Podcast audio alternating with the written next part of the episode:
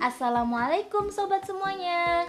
Baik lagi bersama Ica Podcast.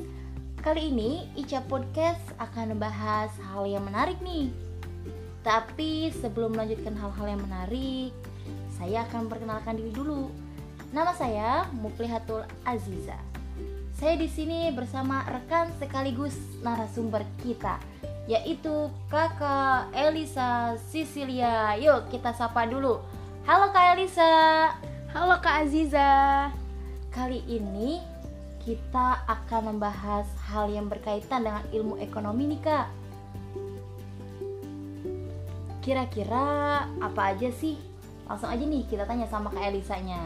Eits, sebelum mendengarkan jangan geser dulu karena ini bakal seru banget. Yuk kita simak bareng-bareng.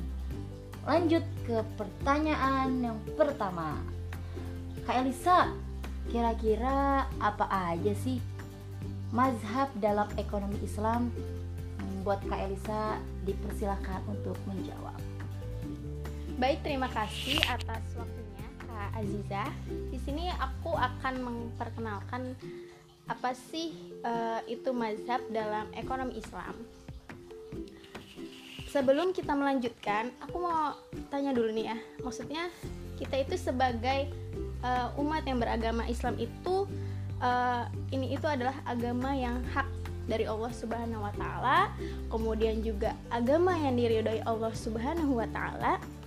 Tidak mengherankan juga dari setiap berbagai macam interpretasi manusia tentang Islam termasuk tentang masalah ekonomi dalam Islam. Nah, kemudian juga tidak mengurangi arti eksistensi dan vitalisasi Islam itu sendiri yang merupakan keragaman yang digunakan untuk memperkokoh Islam. Makanya, dari ini kita mempunyai mazhab-mazhab dari sisi pemikiran ekonomi Islam itu sendiri. Yang pertama itu ada mazhab Bakir As-Sadar di mana mazhab ini dipelopori oleh Bakir As-Sadar dengan bukunya yang bernama Iqtisaduna atau yang disebut dengan Our Economist.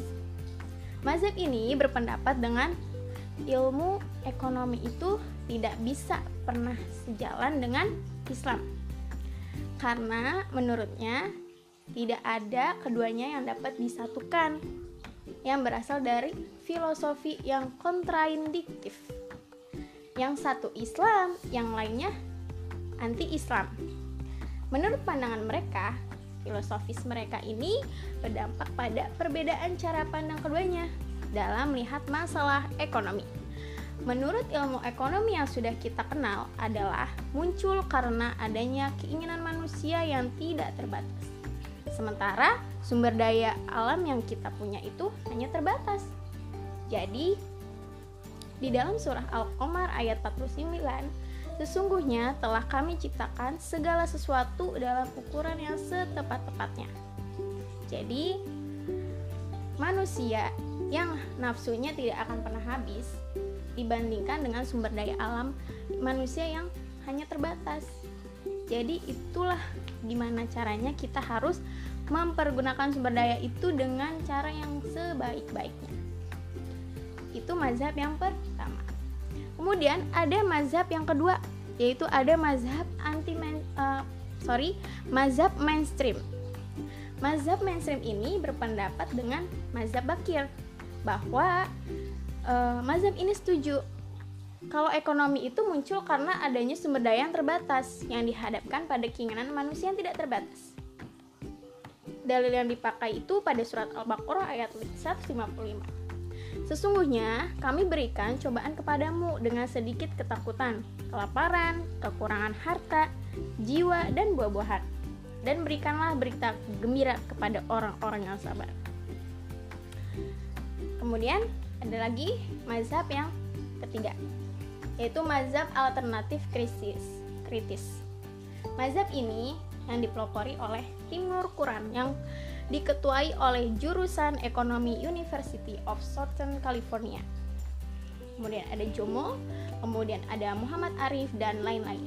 Mazhab ini mengkritik mazhab sebelumnya bahwa mazhab ini berusaha menemukan hal yang baru yang sederhana yang sudah ditemukan oleh orang lain.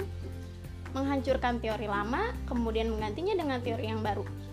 Mazhab ini e, mengkritik mazhab anti mainstream itu sebagai jiplakan dari ekonomi modern yang menghilangkan variabel riba dan memasukkan variabel zakat dan niat. Mazhab ini adalah mazhab yang kritis dan mereka berpendapat analisis kritis bukan hanya dilakukan terhadap sosialisme dan kapitalisme, tapi juga terhadap ekonomi Islam itu sendiri.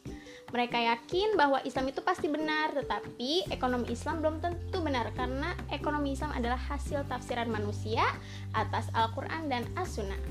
Begitulah pendapatnya. Itu Kak Aziza. Saya akan kembalikan kepada Kak Aziza. Oh, jadi gitu sobat. Mazhab di dalam ekonomi mikro Islam itu ada tiga. Tadi tuh, yang pertama ada mazhab bakir, yang kedua ada mazhab mainstream, yang ketiga mazhab apa ya tadi saya? Mazhab ini Kak Aziza, mazhab alternatif kritis. Oh, iya itu maksudnya Kak. Gimana nih? Udah pada paham belum? Insya Allah pastinya bermanfaat ya sobat.